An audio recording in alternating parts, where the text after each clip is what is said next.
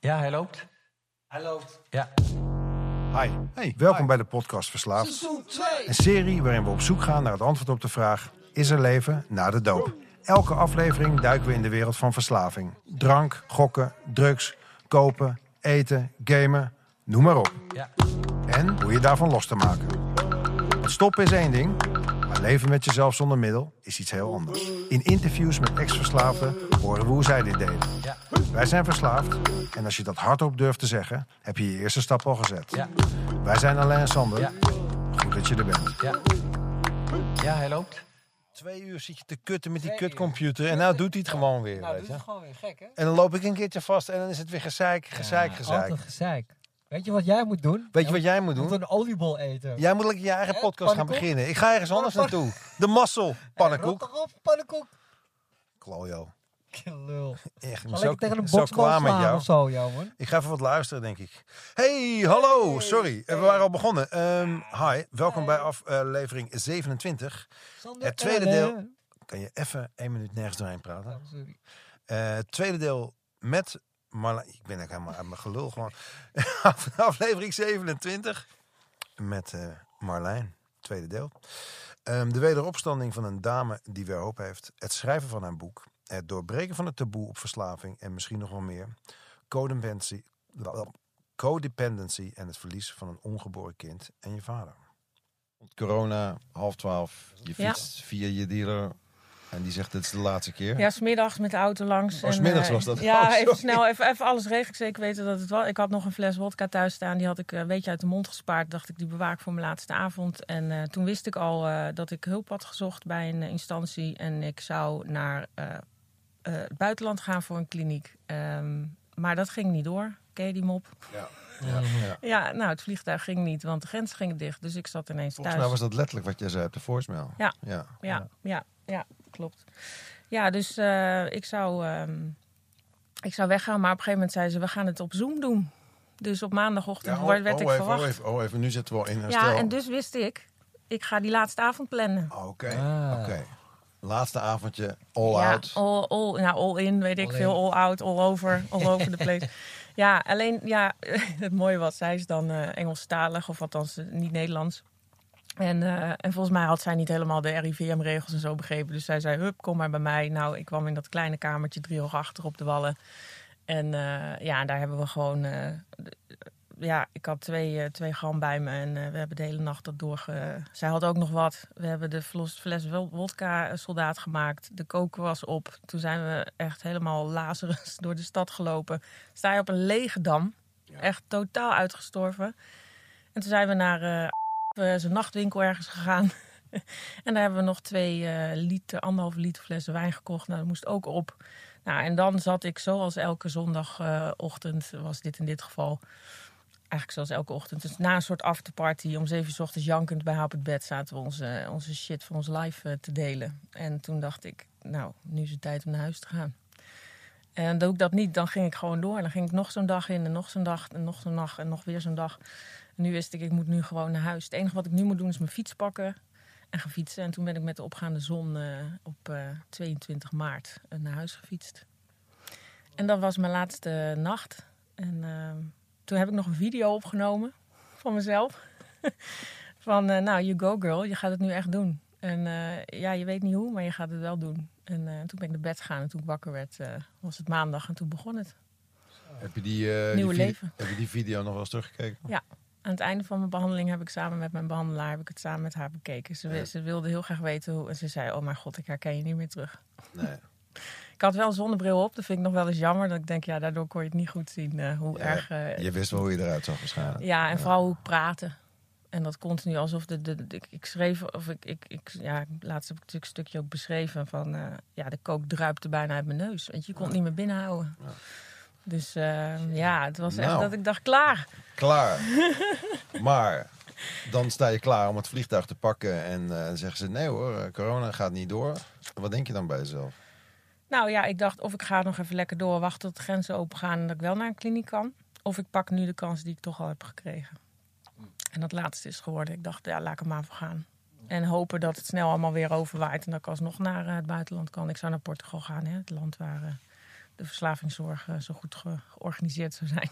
Oké. Ja, en ehm, Waarom zeg je zou? nou, is, ik weet het niet. ik ben er nooit geweest. Oh, oké. Nee, maar is, Ik ja, dacht- daar, ik- daar ik is dacht- veel over gezegd Ik natuurlijk. dacht dat je het in twijfel trok. oh Eh, nee, nou, ik ehm, zou het niet weten. Hoe, eh, ehm, ja, ja. hoe ben je toen vervolgens eh kliniek geworden? Want eh, ik bedoel, als het makkelijk was, dan zou iedereen wel zeggen van... hé, hey, ik doe nog één avondje, dan fiets ik naar huis met de zonopgang en dan kap ik ermee. En dan ga ik achter mijn laptop zitten en dan... eh, Ja. Wat, is er, wat heb je gedaan? Head first. Ik denk dat het enige wat ik kan zeggen is... eh, bereidwilligheid heeft mijn leven gered. Gewoon gaan. En eh, nou, zoals ooit, hij, hij, zal, hij zal weten wie ik bedoel. Een van de counselors zei... Je moet gewoon je bek houden en doen wat er gezegd wordt. Wat je opgedragen wordt. Oftewel, zoals wij dat in het programma noemen, volg de suggesties op. En er was ook nog een counselor die zei... ehm, wat he- heb je ervoor over? Heb je alles ervoor over? En dat ik zei, ja, alles. En toen zei hij, ja, kan je dan je man niet meer zien of je kinderen niet meer zien? Toen zei ik, die heb ik allemaal niet. Maar er waren dus mensen in de groep die wel zeiden, nee, nee, maar mijn kinderen die moet ik wel eigenlijk, die kan ik niet zomaar weg, kan ik niet zomaar weggaan. Allemaal voorbehoud voorbehouden, ja. Ja, ja, ja. Ja, en ik dacht, als ik nu eh, stop met een god en als dat me moet gaan helpen in mijn eentje, Nou, prima. Ik, ik wil dat wat je, eh, de- van die kinderen gewoon een kleine kanttekening bij plaatsen. Voor mijzelf, ik ben niet in de kliniek gegaan. Eh, ik wilde dat ook niet, omdat ik wist dat ik er eh, heel lang niet geweest was voor mijn gezin. Ja. En dat ik dacht van ja, als ik nu, het voelde als een vlucht. En misschien is dat mijn verslaving weer die me dingen wijs maakt om dat niet hoeven te gaan doen. Kan. Ik ben het in Nederland blijven doen. Ja. En met vallen opstaan, zeg maar, mijn verantwoordelijkheden ook in mijn gezin heel langzaam steeds meer kunnen uitbreiden. Dus dat hoeft Ja. niet per se een voorbehoud te zijn. Denk Nee, ik klopt. ineens. Maar, eh, Maar het was wel een heel bijzondere discussie van wat heb je, heb je werkelijk alles ervoor over? ja, En dat vind ik nog steeds een mooie vraag aan iemand die zegt ik wil hulp. Maar kan je dan alles uit handen geven? Kan je je volledig ze- richten op wat wij zeggen dat goed voor je is? Wij als mensen die jou gaan helpen. Ja, dat is, de- dat elke, is doodeng. elke verslaafd is tyfus eigenwijs. Ja, maar daar is wel de oplossing, denk ik dan. Het is niet makkelijk, maar ja. Ja, Denk, ik denk het ook. En tegelijkertijd Ja. snap ik ook heel goed dat het... Ik heb heel veel moeite met de autoriteit. Nou ja, jij bent van der list. Hè. Je hebt geldmachines Ik beklad heb en ook alles. heel veel dus, moeite mee, hoor. Dus jij zal ook wel eens je momenten... En je bent een, een voormalige drugsprocessor. Ja, gewoon reet eigenwijs. en reet eigenwijs. Ja. Dus ik, ik snap ook wel dat het moeilijk is voor mensen. Maar ik ben blij dat jij het wel gedaan hebt. Want zo ben je nu hier terechtgekomen. Ja. Ehm, het andere ding wat jij insprak in onze podcast, wat ik wel grappig vond, was eigenlijk een beetje van de strekking van eh nou, dat eerste dingetje, dus ben je verslaafd, heb je een verslaving, bla bla. Eh, ik ben een boek aan het schrijven, want ik wilde eerst een podcast, maar dat waren jullie aan het doen, dus ik schrijf me even een boek. En ik dacht, godverdomme, ja, je kan er ook een boek over schrijven. Dat zijn al die, al die verken, daar kun je wat mee verdienen namelijk ook nog. Ik was, eh, we waren Nou. meteen getriggerd en op een goede manier. Ja, En we willen er eigenlijk alles van weten. Want we hebben nu gehad over hoe het was. Je komt omhoog. Eh, Je bent Ja. met het programma ook service. Ja. Ben, je- ben je er bovenop gekropen. We zitten nu een half jaar verder. Ehm, is er leven na de doop? absoluut. Vertel. Ja. ja, zoals ik zelf mijn leven heb beëindigd, levensleven heb beëindigd, mijn levensverhaal heb beëindigd was. En nu heb ik alleen nog hoop dat er leven is na de doop. Nou, geloven jullie Mooi. dat? Mooi. Eh, ik, ik weet het. Geloof dus, het. Ja, ja. En toen dacht ik, my hell, wat de hel is hier gebeurd? Dat jullie die podcast hadden. Dus ik, ik was meteen, daar moet ik bij zijn. Dat vind ik gaaf. Ja, ehm, boek schrijven. Ja, is er leven na de doop? Ehm, in de zin van, ja, voor mij wel. Ik ben dagelijks bezig met het verhaal op papier krijgen. Omdat ik een taboe wil doorbreken. Daarom ga ik het gewoon onder mijn eigen naam ook uitgeven. Eh, ik ga volledig met mijn billen bloot. Er staat alleen maar de waarheid en de hele waarheid. Misschien dat de tijdslijn iets verandert. Als je een boek schrijft, kan het niet anders. En misschien de namen van mensen die niet bekend willen worden.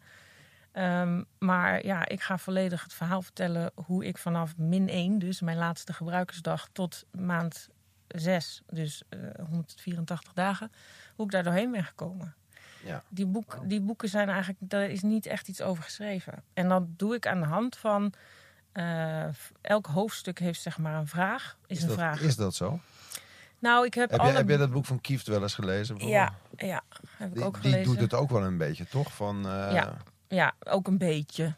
Jawel. Eh, maar ook de terugkeer heb ik dan gelezen. Dus daar staat, dat is dan zijn deel 2. Dus dat Ja. hij dus echt, hoe, hoe, hij gaat dan terug naar Italië en hoe hij daar, en dan vertelt hij ook aan de interviewer of de schrijver die het boek schrijft, eh, hoe hij eh, met de twaalf stappen bijvoorbeeld, hoe hij daar doorheen komt. Daar heb ik best wel wat interessants uitgehaald. Wat ik gewoon heel fantastisch vind, is hoe mensen schrijven. Weet je, waar ik gewoon heel erg om moest lachen was dat hij schrijft... Weet je, je moet er niet van opkijken dat ik op een dag eh, dat je hem even af moet zetten bij de Albert Heijn. Omdat ik als avondeten een stuk brie en als toetje een, eh, een, een zak M&M's wil. Dat ik dacht, oh god, dit, dit ben ik. Weet je, dat is het enige wat er nog. Hij zegt, dat is het enige wat er nog echt van mijn ziekte nu over is. Dat, on, dat, dat verschrikkelijke eten. Ja. Ehm, maar ik heb meerdere boeken gelezen. Eh, ik ben Lois, dus ik ben gestopt met ehm, ehm, drinken. Eh, Hallo Muur ben ik nu aan het lezen. Je hebt ook nog, nou ja, al die pff, Wat ga part-time je... junkie. wa- wa- Wat zijn, wat zijn zeg maar... Mijn eh, verhaal begint bij, het- bij het nieuwe leven. En de, alle verhalen, alle, de meeste boeken die ik heb gelezen, beginnen bij eerst het ramptoeristische verhaal. Hoe Ja. was ik in gebruik? Ja. En ik wil dat eigenlijk niet. Ik doe wel flashbacks. En ehm, waar bij mij het verhaal voornamelijk om gaat, is ik leg ook het. Het jaar 2019 was voor mij een jaar van hel. Ik werd gestalkt in de zomer en wa- waren mijn vader en ik. Hij werd 70, ik werd 40. Op dezelfde dag ben ik geboren als dat mijn vader 30 werd. Dus dat schept al in ons hele leven een band.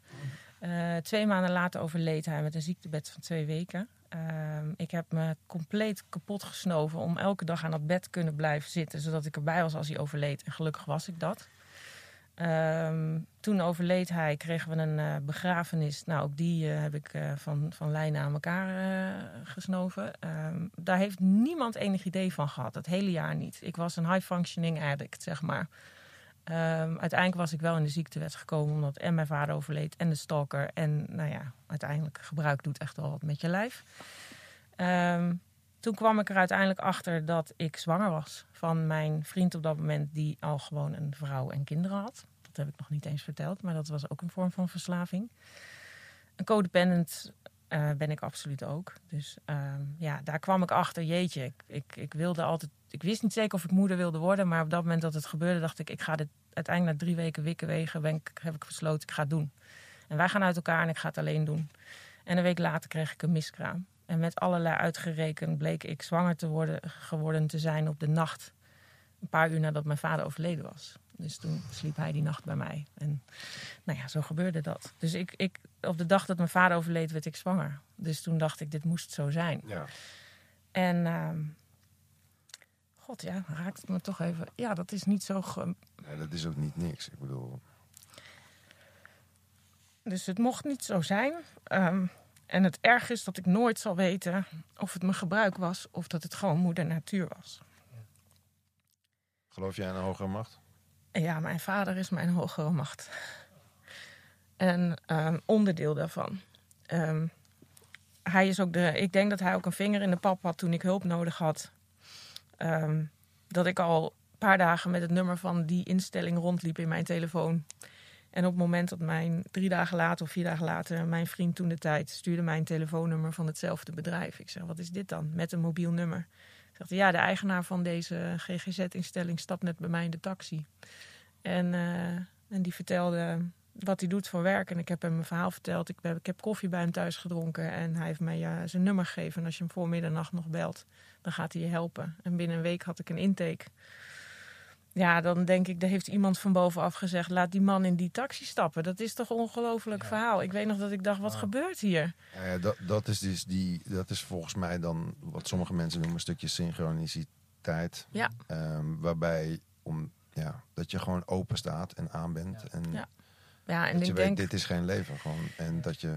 Ja, en dat ik die kans gepakt heb. Dat Ja. ik dacht, ja, tuurlijk ga ik niet wachten tot de grenzen open zijn in een kliniek. Er is iemand hier, of een energie, of mijn vader, of, of mijn ongeboren kind, whoever, heeft energie naar deze aarde gebracht om Je mij roep- deze hulp te aan je roep is gehoord, ja. ja, de Ja. uitnodiging is ge- gedaan. Die moet ik aannemen. Dus hoe, hoe dan ook, ik ga dit doen. Dus ja, zijn foto staat op mijn bureau en hij is daar elke dag bij Ja. mij. En er gebeuren dingen, dat hou je niet voor mogelijk. Mooi. Eh. Waarvan ik denk, ja, dat, dat, dat is hij. Hey, Ja. ehm, je Dus bent- ja, dat schrijf ik in mijn boek. Daar Ja, je het over. je ja. bent hier natuurlijk niet alleen om je boek eh, te pluggen. Wij willen Nee. graag weten wat jou clean houdt. Ik zie overduidelijk dat je er heel veel plezier aan beleeft om de puzzelstukjes in elkaar eh, te schuiven en meer begrip van jezelf te krijgen en een boek te schrijven. Wat er nog niet is. En eigenlijk, je kan denken van ja, er zijn al tien boeken over. Net als dat jij dacht, er is al een podcast over. Elk verhaal is uniek. Ja. Dus jouw verhaal mag er ook gewoon zijn. Zou je een klein stukje voor... eh, ik heb gevraagd of je een klein Ja. stukje voor wil lezen. Nou, het mooie is, het, het gaat over eh, midden in mijn... eh, het is dag 7 of Hey, dag wacht, 8. Er staat een heel groot kruis doorheen. Ja, nou, dat ga je allemaal niet lezen. dat wou ik eigenlijk... Ik denk, ik kan twee pagina's lezen. Vind ik wat lang. Is wat veel. Ja. Dus ik heb geschrapt en ik ga één... één het is vier minuten leestijd. Het is onze show, Alain. Ik vind het, eh, ik vind het helemaal goed. Dan, je, mag, je redden? mag hem ook helemaal lezen hoor. Als het, Ja? Nou ja, het maakt het wel compleet. De vraag is namelijk... Het is één of twee pagina's. Nou ja, dan gaan we gewoon voor twee kunnen we altijd nog knippen. Ja, knippen doen we niet aan. Ik zeg, ga maar gewoon. Dames en heren. Ja, nou... Marlijn leest hier een stukje voor. Ik, ik kondig je even aan. Hè. Gaat u lekker even zitten. Pakt u lekker een kopje thee. Marlijn gaat hier even voorlezen uit een first draft van haar nog uit te komen boek. En dat boek heet, Stap voor stap in herstel. bam, geschreven door ene Marlijn. Hier komt. Nou, hoofdstuk 1.3. Ben jij verslaafder dan ik? Dag 8, 30 maart 2020. Ik heb natuurlijk nooit drugs gebruikt, zoals Suzanne met haar heroïne en Marlijn met haar kook. Dus ik kan me voorstellen dat dit traject voor hen moeilijker is, zegt Annette. Eh, sorry, zij is alleen verslaafd aan alcohol? En wat wil jij daarmee zeggen? Dat ze minder verslaafd is dan ik? Is de dronken man die loog en bedroog en zijn auto helemaal in de prak reed op een drukke weg minder verslaafd dan ik? Is een vrouw die, omdat ze geen beschikking meer heeft over wijn, naar de fles spiritus onder het aanrecht grijpt, minder verslaafd dan ik? Of is de moeder die vanwege haar alcoholprobleem haar kinderen tot wanhoop drijft, werkelijk minder verslaafd dan ik? Alleen maar omdat ik harddrugs gebruikte wat je niet in de supermarkt koopt, maar waarvoor je in plaats daarvan een dealer moet bellen? Sorry hoor, maar weet zij dan niet dat alcohol net zo goed een harddrugs is, qua gebruik, qua uitwerking? Dat het thuis hoort misschien wel in het rijtje GHB, cocaïne, ecstasy en ga maar door? Ik heb de ziekte van verslaving, ja. Maar welke ziekte heeft zij dan? De ziekte van wijn? Gaat het hier niet om het feit dat we allemaal verslaafd zijn? Dat we allemaal op onze manier afhankelijk zijn geraakt aan een middel, relaties, gokken, kopen of wat dan ook? Wat ervoor gezorgd heeft dat ons leven een zootje is geworden? Volgens mij heeft het geen zin om onderscheid te maken in middelen. Zijn wij niet allemaal gewoon verslaafd? Punt. Ik haal even diep adem en reageer dan alsnog op Annette. Nu iets minder fel dan het zojuist in mijn hoofd eraan toe ging. Zoals ik het zie, hebben we allemaal de ziekte van verslaving. Hoe we hier gekomen zijn of wat onze drugs of choice was, maakt volgens mij helemaal niets uit. Het gaat volgens mij om de reden dat we zo excessief zijn gaan gebruiken. En dat zou het onderwerp van gesprek moeten zijn. Zullen we dus vooral naar de overeenkomsten kijken en niet naar de verschillen, waarom jij minder of ik meer verslaafd zou zijn? Volgens mij ben jij verslaafd of je bent het niet. Ik ben verslaafd. En jij? Ik schrik van mijn eigen woorden. Heb ik nou zojuist voor het eerst hardop gezegd dat ik de ziekte van verslaving heb? Ben ik nu zelfs al de ontkenning voorbij? Volgens mij is het tijd om afscheid te nemen van Nadim, maar ik durf het niet, zeg ik tegen Annemarie. Ik wil doorpakken. Ze vraagt naar de afscheidsbrief waarover ik haar dit weekend nog gemaild had. De afscheidsbrief die ik van plan was die dag naar hem te sturen. Daarin had ik hem eh, gevraagd mij met rust te laten, mijn eigen weg te laten gaan en mij los te laten. Had je dit weekend niet al afscheid genomen? vraagt ze verbaasd. Ehm, nou, nee dus. Zie je wel dat ik het niet kan? Ik heb die intieme eh, in- intentie om ermee te kappen, maar voel dat in mijn hele lijf. En wat gebeurt er? Hij belt mij en ik geef weer toe. Ik zei doodleuk, ja hoor, kom maar langs. Waarom ook niet? S'avonds voelde ik weer zijn armen om me heen, liet hij mij weer lachen en vertelde hij hoe trots hij op me was dat ik al een week had volgehouden. Zaterdag was ik namelijk zeven dagen clean. Blij dat ik het durfde uit te spreken naar haar, dat ik mezelf kan zijn. Maar ook die avond eindigde uiteindelijk weer in verdriet, leegte en gevoel niet goed genoeg te zijn. Hij gaat elke keer toch weer terug naar zijn gezin. Een bonkend gevoel op mijn borstbeen. De bomen die wuiven in de wind, zo dichtbij. De foto van mijn vader op tafel. Ik kijk naar alles behalve het scherm. Een brandend gevoel in mijn ogen. Ik begrijp dat zijn kinderen het belangrijkste zijn en dat hij om die reden zijn huwelijk een kans wil geven. Maar daarom doet het nog wel pijn en ik wil die pijn niet meer voelen. De paniek sluit mijn luchtpijp en ik slik mij, verslik mij in mijn laatste woorden. Als wegslikken niet meer lukt, wat doe je dan? Juist, janken. Heel hard janken. Wat dacht je ervan om te starten met een week geen contact? Durf je dat wel aan? Een stilte. De weerstand doemt op, als een monster dat op mij afkomt rennen van achter een heuvel. De heuvel waar ik net nog in stilte naar stond te staren. Wat ga ik doen? Rennen? Vluchten? Of ga ik het aan? Het is het beste, hè? Ja, ik weet het wel. Ik moet wel, zeg ik met paniek nog in mijn stem. De paniek en angst heb je lange tijd weggeduwd om het niet te hoeven voelen. Je liet het allemaal maar doorkabbelen, nam genoeg met minder. Nu je niet meer gebruikt, komt het net zo hard weer terug. Ik begrijp dat dat jou nu overvalt. Ze heeft gelijk. Ik heb het gevoel dat ik de hele dag overgevoelig ben en bij het minste of geringste worden mijn ogen waterig. Het is wat voor Bart vanmorgen ook al zei in de groep. Dit is je gevoel, mensen. Boos, bang, bedroefd. Ga maar met dat gevoel zitten en laat het er zijn. Voel het maar. Nou, lekker dan. En zo geschieden, want vanavond komen de muren op mij af. Nadien wil ik niet bellen. Oké, ik wil hem wel bellen, maar beter is van niet. Ik houd voet bij stuk. Ik zou wel iemand anders moeten bellen, maar daar heb ik gewoon geen zin in. En zoals Bart ook al zei, is het ook beter om met het gevoel te gaan zitten. En daar zit ik dan, moederziel alleen. Voorheen zou ik een fles wijn of twee opentrekken en mezelf gemakkelijk maken met wat lijntjes kook en dan Friends kijken terwijl ik mezelf een beetje mooier maak. Kloddetje hier, wallen. Kloddetje daar, rode vlekjes. En dan, rond een uur of elf, had ik de fiets gepakt en was ik bij een horecavriend of vriendin aan de bar neergestreken om daarover te gaan op wodka. De rekening werd soms vereffend door de horecabaas. We hadden als stamgasten immers de kroeg volledig uh, levendig en volgehouden. En ik kreeg een fikse korting, met ook nog meerdere gratis shots die ik zonder moeite achterover sloeg. Hield ik weer wat geld over om te snuiven. Hoewel ik voor het verkrijgen van die kook ook wel mijn maniertjes had. Laten we zeggen dat als ik dit alles allemaal had moeten bekostigen, ik veel eerder of gestopt was of flink in de financiële problemen was geraakt. Die avonden, dat waren er op zeker moment minstens vijf per week, vonden de mooiste gesprekken plaats, werden de grootste grappen uitgehaald. En hoe later het werd, hoe meer mensen ik om mij heen verzamelde die minstens zo hard naar de kloten wilden als ik, als ze dat niet al waren. Alles om maar niet alleen te zijn en niets te voelen. Maar nu zit ik niet aan die bar met die gebruikersvrienden. Nu zit ik in mijn eentje naar de muren te staren. En iets in mij vraagt zich af of de avond niet een stuk leuker zou zijn met een slok wijn of een snuif kook. Nee, dat is niet zo, Marlijn. Kijk maar waar dat gebruiken je heeft gebracht zegt iets in mij. Ja, ja, ik weet het wel. Het heeft mij gebracht naar mijn persoonlijke stay-at-home afkikkliniek, zeg ik hardop tegen de muren. De vraag, waar heeft jouw verslaving je gebracht? Stellen aan cliënten die werkelijk in de kliniek zitten is natuurlijk een stukje sterker. Maar ja, je begrijpt wel het idee. Wauw. Wow. Dankjewel. Zo, dat was het voor het eerst dat hij even de wereld in ging. Heel mooi. Ja, ja. Die, uh, die gaat niet meer terug.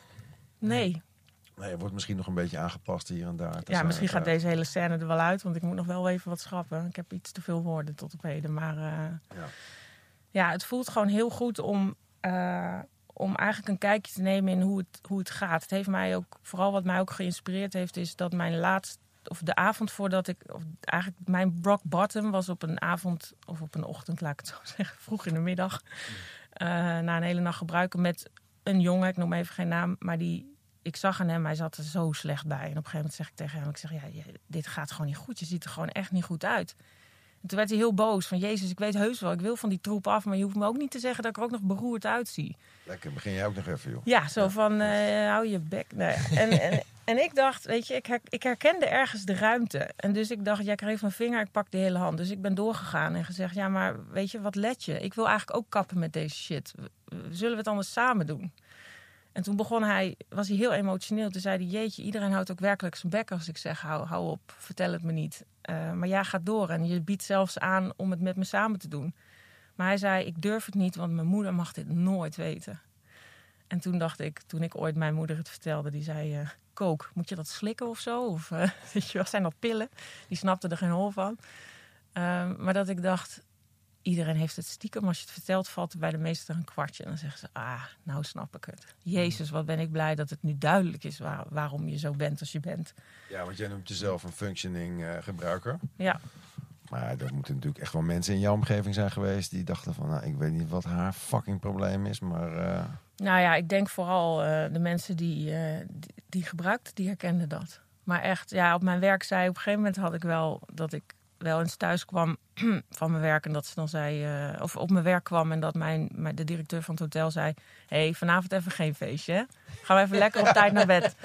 En toen had ik eigenlijk moeten weten, zij zal ook niet zeggen: Oh, het zal, goh, wat een verrassing.